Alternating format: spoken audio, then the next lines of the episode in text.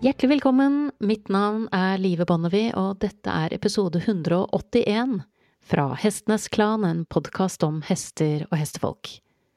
Dagens gjest, Margrethe Lie, driver Hesteglede og jobber fulltid med hest, tilbyr undervisning og tar imot hester i trening.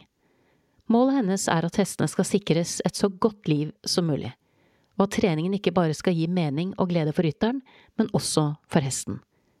Margrethe har en bachelor i hestevitenskap, en master i etologi og utdannelse som atferdskonsulent, og hun har blant annet vært på en feltstudie for å se nærmere på hvilken sosial funksjon tygging har i flokker med vilt levende hester.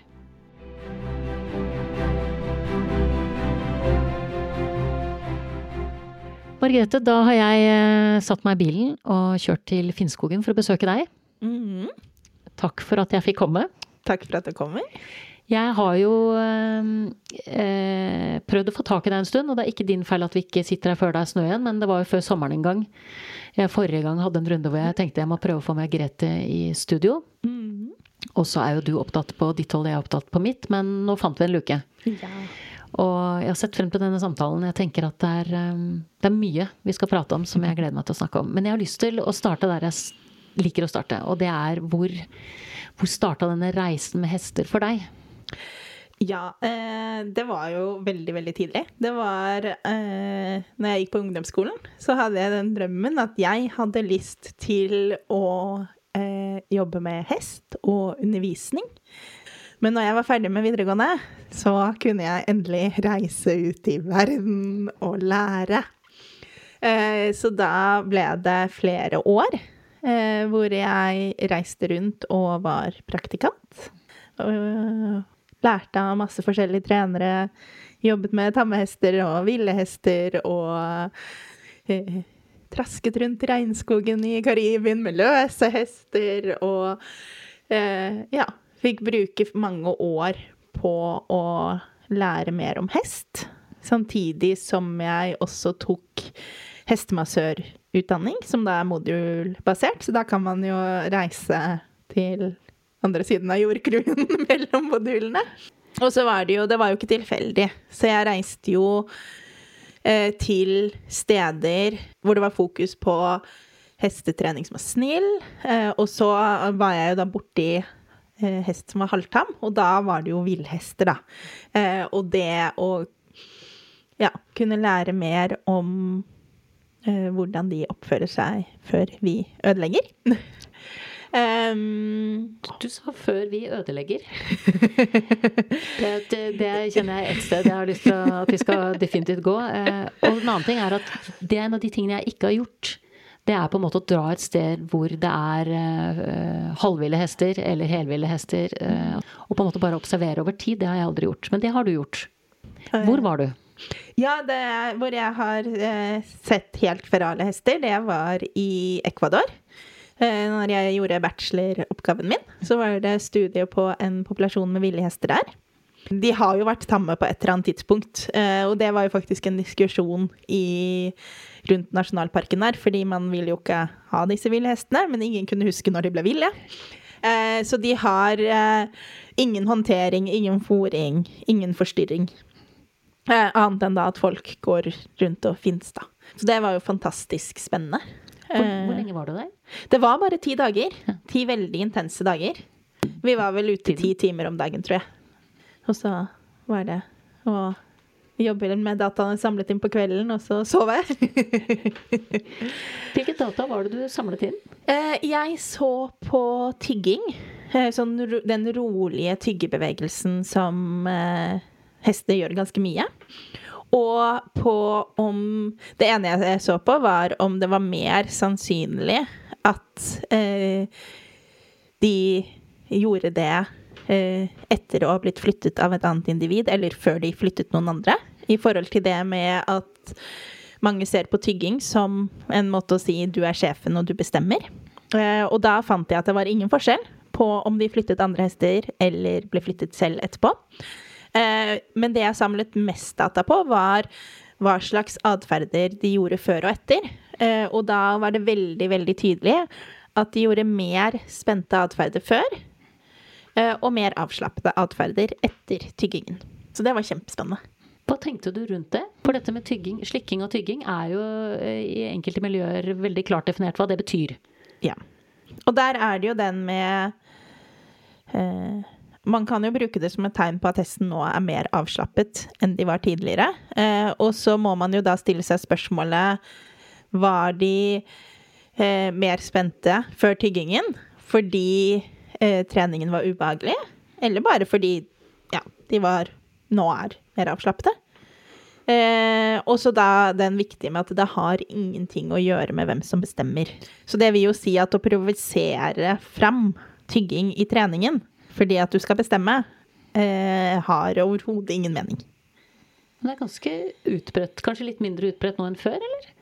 Jeg var jo på en konferanse og presenterte bacheloren, og den, da ble det tydelig hvor viktig den er for folk. For den hadde ble veldig veldig godt mottatt. Det var ekstremt mye intervjuer og artikler og oppmerksomhet rundt den, sånn at Og det viser jo at det er veldig viktig. Og det er jo veldig gøy når man kan gjøre noe som faktisk har mening, da. Når man først skal bruke så mange timer på noe. Ja. Det andre som var veldig interessant når man er og ser på eh, hvordan hester lever i det fri, og det passer også med alle studiene jeg har lest på ville hester, er det her med at det er veldig, veldig lite aggresjon mellom hestene. Mens når vi da ser på våre tamhester, så er det ganske ofte mer aggresjon. Og det har jo da i stor eh, grad sammenheng med miljøet vi plasserer hestene i. Som også da blir interessant når du tar det videre til at en av de argumentene jeg har hørt mest på å være hard mot hestene i treningen, det er at hestene er harde mot hverandre.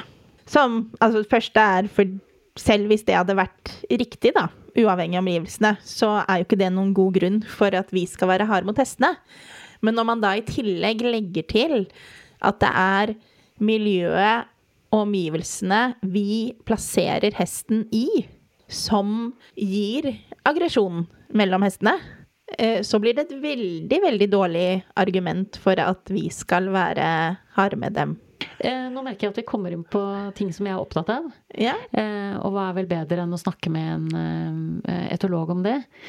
Hva tenker du rundt da, hvis vi kan dykke litt dypere ned i det? Altså hvordan vi holder hestene våre, og hvordan vi trener dem ut fra det du både har observert når du har sett hester, og det du har lært rent faglig?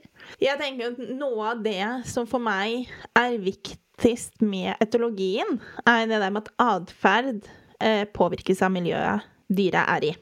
Og miljøet vi plasserer hesten i, er i veldig, veldig stor grad langt unna det miljøet de burde leve i. Sånn at vi har på mange måter et ganske stort dyrevelferdsproblem på hest, fordi vi plasserer dem i et liv Eh, og gir dem liv og omgivelser som ikke egner seg for arten. Så, så klart, første er jo de må ha mat, de må ha ly. Og der er det jo ganske bra. Eh, og det er jo ikke det at de ikke er viktige, de er kjempeviktige. Men man må også se på hvilke behov arten har mentalt. Eh, og det vi må se på da, er atferdsbehov. Så atferdsbehov på alle arter er de behovene en art har utviklet eh, for å leve i det miljøet de hører til i.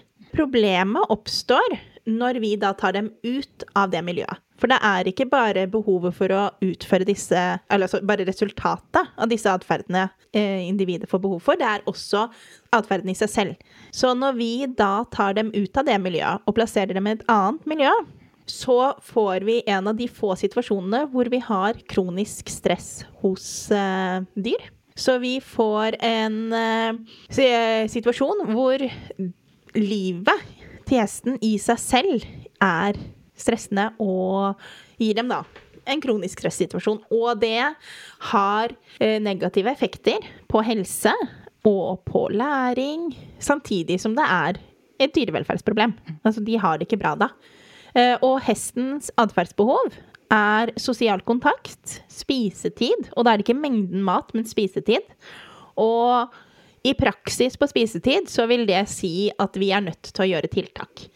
Fordi at hvis vi gir hesten noen kilo med næringsrikt høy, og i hvert fall hvis vi bytter ut en god del av det høyet med kraftfôr, så er det veldig, veldig få hester som får riktig spisetid. Og riktig næring samtidig. Men det er veldig mye tiltak vi kan gjøre for å øke spisetiden. Og noe av de viktigste er jo blant annet fôrbegrensere og spredning av maten eh, matsøk hvis man har tørt område, sånn at vi får økt tiden det tar hesten å spise. Og så har vi så klart gi dem mindre næringsrikt mat. Og så har du sosial kontakt. Eh, det er jo i teorien kunne jo også vært ganske enkelt, men noe av utfordringen der er jo da tilbake til miljøet. Fordi ene er at vi har ganske mange hester som ikke lærer seg å kommunisere med andre fra de er små.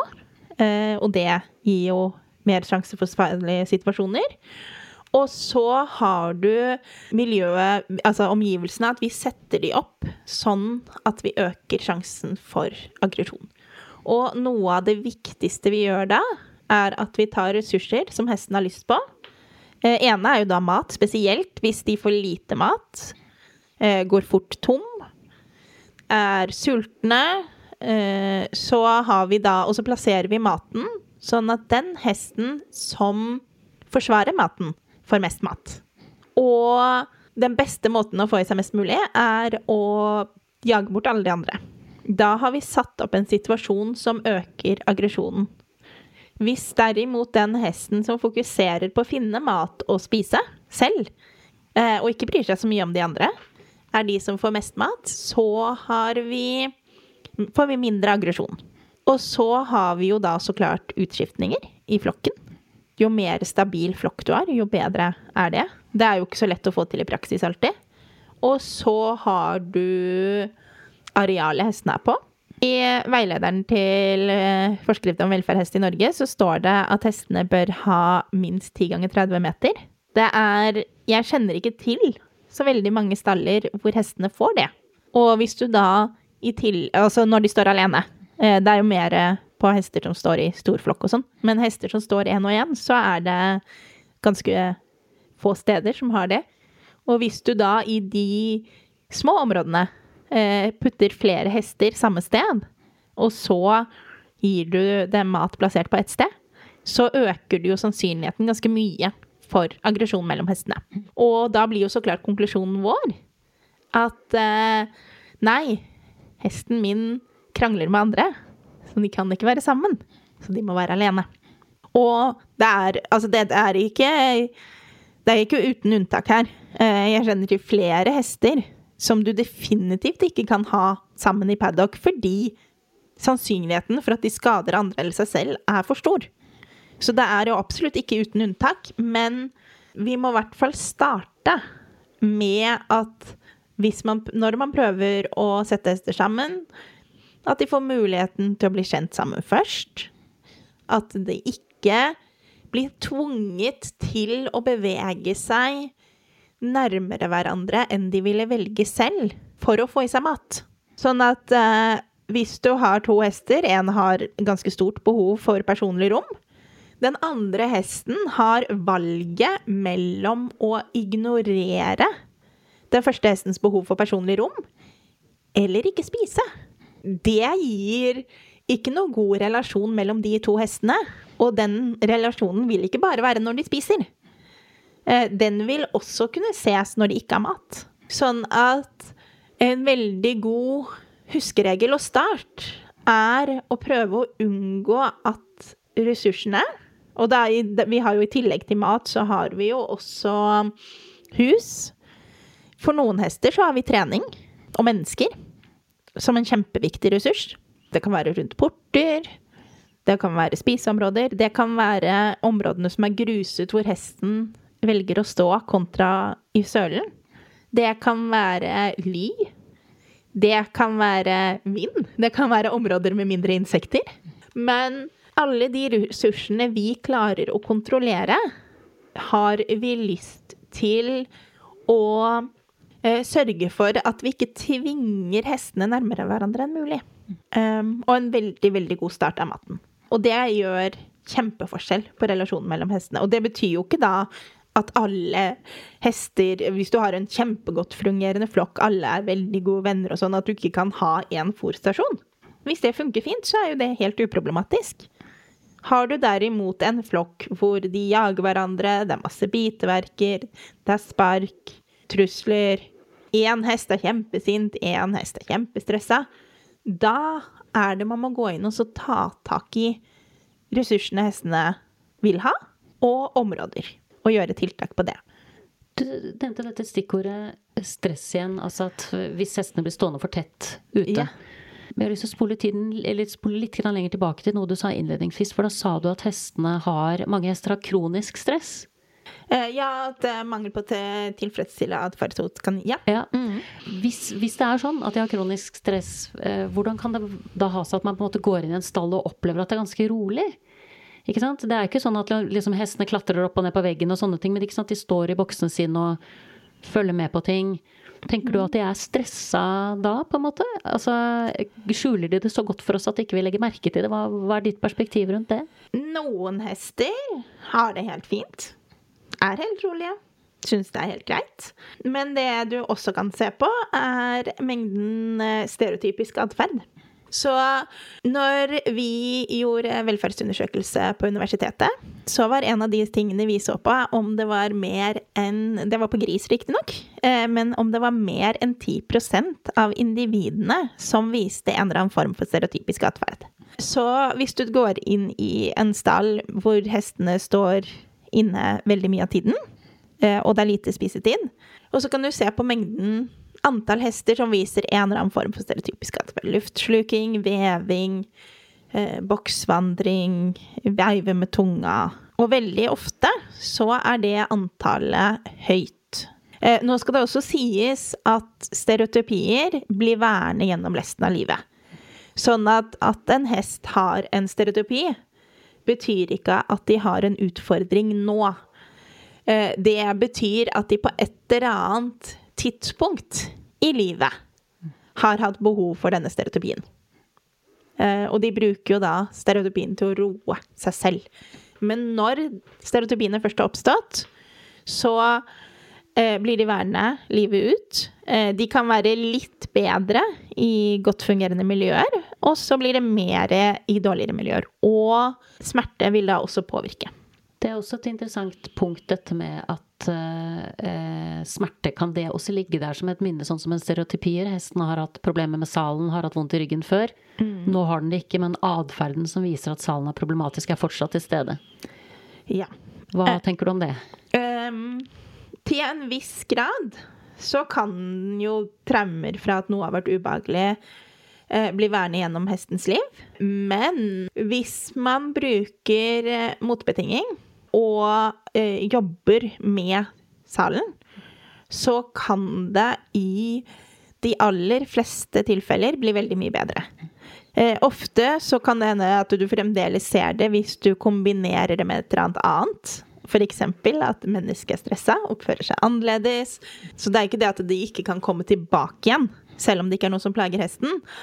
Men i utgangspunktet så går jeg ut fra at hvis vi ikke klarer å endre at hesten er aggressiv på salen, f.eks., så har vi mest sannsynligvis ikke løst hele problemet helt. Det er jo også situasjonsbetinget. Så for eksempel noen så har du eh, Hvis hesten står oppunder og vi saler på, så er de sur på salen. Hvis vi har hesten løs og saler på, så er det ingenting.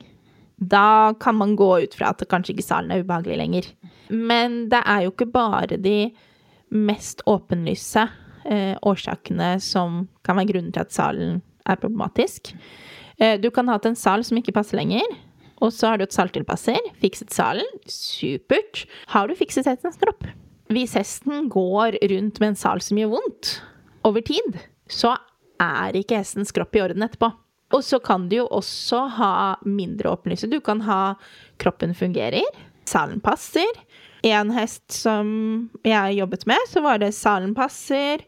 Hjortleier kjentes ganske bra ut. Ryggen var fin. Men et men hjørnet på jobben, hjorten traff triggerpunkt som går på pustemuskulatur. Eh, og denne hesten har astma, og i perioder så har hun mer astma. Og i andre perioder har hun mindre astma. Når hun har mer astma, og pustemuskulaturen hennes er mer spent, så gjør det skikkelig vondt når noen trykker på disse triggerpunktene. Og selv om hun hadde det, altså, det sto ikke på innsatsen her. Hun hadde dyr, fancy hjort som skulle være bra for å gi pust i, og det var stretching, og det var det hele. Men hjørnet på hjorten traff da triggerpunkt hvor det gjør vondt. Og det er jo et ganske godt eksempel på at vi kan ikke stole på Eller altså, man kan ikke tenke 'Å, har hesten min kommuniserer at noe er ubehagelig'. La meg sjekke det. Nei. Eh, salen passer, hesten er ok i kroppen, vi har sjekket det fysiske, den har ikke vondt, det er bare tull. Hvis hesten sier at de har vondt, så har de vondt. Eh, og de kan absolutt ha minner. Eh, og det kan være noe man jobber med hele veien. Men det er veldig viktig også å huske at atferd er kommunikasjon. For der, eh, før vi trykte rekord, så sa du, um, som jeg syns var veldig godt sagt, at uh, det er mange som sier at hesten ikke har et språk og en stemme til å fortelle når noe er et problem. Mm. Og da innvender du som atferdskonsulent at det har de. De har atferden sin. Ja. Kan du si litt om betraktningene dine der? De Og det er jo for så vidt ikke bare hest, det er alle levende vesener. vi reagerer jo på ting som er ubehagelige. Man viser med kroppen sin og atferden sin hva man har lyst på, hva man ikke har lyst på, hva man syns er gøy, hva man syns er ubehagelig. Sånn at veldig ofte når jeg jobber med hester som har utfordringer, så har du Jeg starter jo med å se på atferdsbehov, og se hva vi kan gjøre til det. Men når jeg ser på det fysiske, så er det hva trigger atferden? Når kommer atferden? La oss si vi har en hest som bukker hver gang man svinger til høyre. Er det, da er det jo et eller annet med den situasjonen som er ubehagelig. Er det Kanskje er det munnen? Kanskje klype salen? Kanskje er det et eller annet i hestens kropp som gjør vondt? Ja, hvis hesten snur rumpa til når man kommer med utstyret, da er det jo et eller annet med utstyret eller treningen som gjør at hesten ikke vil. Så i veldig stor grad så handler det jo om å se hvor man kan begynne å lete. Og så klart, du har jo noen ganger så har du jo helt enkle ting, men veldig ofte så er jo helt enkle ting løst før jeg kommer. Det er ikke som om testen er fire grader halvt, og så lurer man på hvorfor den har vondt. Da ser man at den har vondt i det ene benet. Men det er ikke alltid at man får med seg hvis hesten har alltid to bein. Eller hvis hesten har alltid fire bein. Eller hvis salen ikke passer. Eh, og jeg har også vært borti at folk sier ja, men jeg har hatt salttilpasser. Salen skal passe. Og så er det da min respons OK, men da eh, hvis du er komfortabel med det, og det er trygt, så prøv å ri litt barbakk. Og da får man jo veldig tydelig svar. Hvis det er salen som har gjort at hesten ikke vil gå, så går de når man sitter på barbakk. Og da hjelper det ikke at den i teorien skal passe fordi at den gir hesten et ubehag. Og så har du jo ofte i forhold til tenner. Det er et av mine standardspørsmål. Er hesten sjekket av en veterinær som kan tenner? Og hvis det ikke er det, så er det et godt sted å starte. Um, magesår er også en sånn standard uh, ting som sjekker når vi har uh, Hesten oppfører seg som om de har ubehag, men vi vet ikke hvorfor.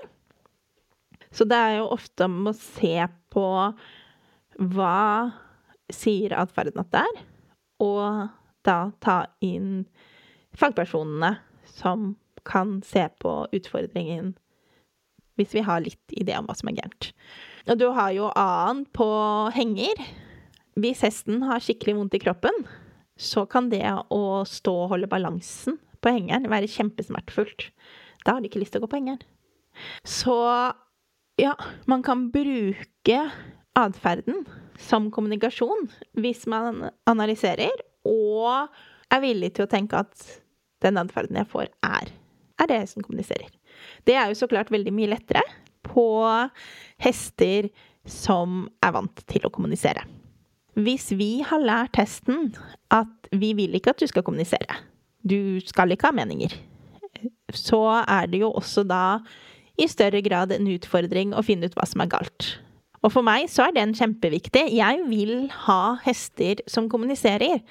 Jeg vil at det skal være helt umulig for meg å ri hesten min over tid i en sal som ikke passer. Altså, det kommer ikke til å skje. Fordi jeg kommer til å få beskjed om det. Og jeg kommer ikke til å eh, lure på om det er tilfellet eller ikke. Og de kan også bli veldig, veldig flinke på å kommunisere hvis de er vant til å bli hørt. Eh, ene hesten her ute, hun kan finne på å si at eh, å gå dytte på mennesket sitt eh, gå til vannet og stå og stirre på det til det blir hentet litt lunkent vann. Alle hestene som jeg har her, de spør om å åpne porter. Så de kan spørre om å åpne porten fordi de skal hvile ut i skogen. Når jeg tilleggsfòrer hester, så er det første Og det lærer de fort. Det gjør jeg ikke bare med egne hester, jeg gjør det med treningshester som er her noen måneder òg, som skal ha ekstra mat. De går til fôringspaddocken når de skal er sultne. Slippes de inn i fôringspaddocken, så står de der til de går til borten, og så slipper de ut igjen. Og det plukker de opp kjempefort. Eh, de kommer når de skal ha hvis de vil ha på dekken, og de går hvis de ikke vil ha på dekken. Og for meg er det veldig Jeg har lyst på hester som har meninger om treningen, som har meninger om livet, og som har stor tro på at de kan fortelle meg hva de vil. Og hvis jeg ikke skjønner det, så må de bare finne en annen måte å forklare på. Fordi at da er det så mye lettere å eh, sette opp livet sånn som hestene skal ha det. Og det vil jo også da si hvis jeg skal være helt ærlig, litt med unntak av hvis jeg har brukt veldig mye penger på undervisning, for da kommer jeg til å spørre en gang til. Men i utgangspunktet, hvis jeg har en hest som ikke vil trene, så trener jeg ikke. Det er veldig, veldig sjeldent. Eh, det ene, på ene hesten min, så er det hvis han ikke vil trene, så da er vi på å ringe veterinær. Det er noe alvorlig galt. Hun andre kan har litt mer meninger. Som for eksempel at uh, hvis vi har vært på kjøretur i dypsnøen, og jeg har lyst til å gå ut på sledetur dagen etter igjen, så kan jeg få beskjed om at det ikke er den beste ideen i verden. Og det skjønner jeg jo. Men man er kjempestøl. Men det var jo veldig vakkert, da. men uh, når jeg da får beskjeden om at uh, Margrethe, nå er jeg støl, og dette var ikke noen god idé, så hører jeg på det. Motevekten er det når de vet at de kan bli hørt, er at jeg har problemer med å trene lydinnkalling på hestene mine fordi de hører meg ta på skoene i gangen. Sånn at det er ikke det at hestene faktisk får bestemme, betyr at man aldri gjør noen ting. Eh, men det betyr noen ganger at de får være med å bestemme hva vi gjør. Som oftest, hvis de ikke har lyst til å være med, så vet jeg hvorfor. Sånn for eksempel at jeg tenkte at det var lurt å kjøre sledetur i dypsnøen to dager på rad. og så lærer man jo å kjenne hesten etter hvert, så eh, de fleste gangene det har vært noe galt med dem, så har det vært hestene som kommuniserer det før jeg får det med meg. Og det gir jo en veldig trygghet man kan slappe av i. Kan vi snakke om de hestene som ikke får lov til å ha meninger, som blir den andre enden av skalaen? Ja, da har du jo ene er at du har jo en mye større utfordring med å gi hestene et riktig liv og plukke opp når noe er gærent. Sannsynligheten for at man får f.eks. da skader som må rehabiliteres mye, er jo større hvis man ikke får beskjed når noe skjer. Og så har du jo da også, som jeg er en del borti, eh, hester som har vært skikkelig redde. Og så har man prøvd å løse det med å lære de at du kan ikke flykte, du kan ikke komme deg unna. Putte på hva enn som du syns er ubehagelig, og så venter de du slutter. Og eh, på noen hester så funker jo det. Eh, og så har du noen som lærer seg å ikke vise hva som er gærent, fram til det går for langt. Og da har du en så sterk stressrespons, for selv om de da ikke har gjort noen ting når de er redde, så har de bygget opp fryktnivå. Og når de da bytter atferd fra frys og ikke gjør noen ting, til enten flukt eller forsvar, så får du veldig, veldig mye. Og da får du også farlige hester. Så veldig mange av de hestene jeg jobber med som er farlige, så har du eh, De har lært seg å ikke vise hva som er gærent, før det er veldig, veldig gærent. Og det gjør jo at man plasserer seg selv og hesten i situasjoner man virkelig ikke burde være i. Uh, ja. Så det å uh, Oppskriften på en måte på å skape det som kan være en aggressiv eller farlig hest, da. Mm. Det er å frata dem uh, de naturlige atferdsbehovene sine. Og legge på toppen en trening hvor hestens mening har null verdi for oss. Kunne det være en måte å oppsummere noe av det på? Ja, um, men du kan jo også andre ting. Så når jeg går ut og jobber med en hest da, som har atferdsproblemer, så starter jeg ofte med å se på atferdsbehov. Og se om vi kan gjøre noe der. Og så neste er jo å se på smerte. Um, og veldig, veldig ofte så er det enten mangel på atferdsbehov eller smerte involvert. Eh, men du har jo også noen tilfeller hvor det bare er eh, innlært. Ehm, hvor man rett og slett har eh, lært testen at den eneste måten, eller den beste måten å få mennesket til å slutte å være ubehagelig på, er å flytte dem vekk, f.eks. eksempel. men ja, som oftest syns jeg når det blir mer ekstreme tilfeller Altså, du har jo masse Nå snakker jeg ikke om å, hesten min er litt vanskelig å binde. Um, eller uh, hesten min er litt vanskelig å leie. Du kan ha misforståelser, du kan ha uh, behov for endring i treningen osv. Men de mer ekstreme, så har du gjerne enten mangel på tilfredsstilt atferdsbehov, smerte eller traumer. Det vil si det er de tre vanligste tingene som du mm. ser når du jobber med mm. hester? At det er ett et av tre? Altså at mm. behovene er ikke tilfredsstilt, hesten har smerter? Eller det er noen traumer som ligger der fra før? Ja. ja. Og så har du jo så klart da også, men de er jo veldig mye lettere å håndtere, misforståelsene. Eh, hvor du har jeg vet ikke, longering, hest som steiler i longering. Fordi mennesket med kroppsspråket sitt sier 'kan du stoppe'? Eh, jeg er på vei dit, så der vil jeg ikke at du skal gå. Og så sier man med longsjetauet at du får ikke lov å gå vekk. Og så sier man med pisken gå frem. Eh, men de er jo mer takknemlige i form at da kan man jo bare gjøre en liten endring. og så er problemet løst. Samme hvis eh, hester som er veldig nærgående og kommer på, og så har vi mennesker som syns det er litt ubehagelige, og flytter seg vekk og lener seg vekk fra hesten, og med sitt kroppsspråk da sier 'kom nærmere'. Og så sier hesten ja, jeg syns det er veldig hyggelig å være nærme. Eh, og så kommer de nærmere, og så prøver man å korrigere eh, fordi de er nærme, samtidig som man spør dem om å være nærme. Eller, ja. Men eh, sånne type misforståelser er jo da veldig takknemlig å jobbe med, fordi at eh, det skal jo da bare en liten endring til, og så eh, har du nesten magisk virkning. Um, så, og det er jo noe helt annet å jobbe med enn hester som har fysiske og mentale utfordringer som tar, kan ta tid. Det kan ta masse tid, og noen ganger handler det ikke engang om å kurere. Det handler om hva kan vi gjøre sånn at man kan ha et fint eh, hverdag sammen uansett.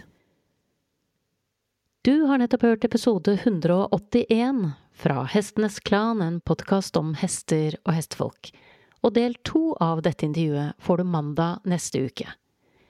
Margrethe er en gjest av det slaget som jeg håper gjør deg mer nysgjerrig på hvordan hesten din har det, og hva den forsøker å fortelle deg gjennom atferden sin. Og ikke minst håper jeg at du deler episoder som dette med andre som kanskje har en hest med en uttalt atferd som enten ikke har blitt fanget opp, eller enda verre, som har blitt misforstått. For det å utvide diskusjoner som er viktige til å omfatte andre hestefolk du tilbringer tid med, er egnet til å utvide viktige samtaler. Vet vi bedre, så gjør vi bedre. Og det er sant at flere hoder tenker bedre enn ett. Da gjenstår det bare for meg å takke min faste komponist Fredrik Blom, designeren av podkastens visuelle profil, Ove Hals, min lyddesigner Stig Holte, min gjest Margrethe Lie, og sist, men ikke minst, vil jeg som alltid takke deg, kjære lytter, for tålmodigheten. Måtte hesten for alltid være med deg.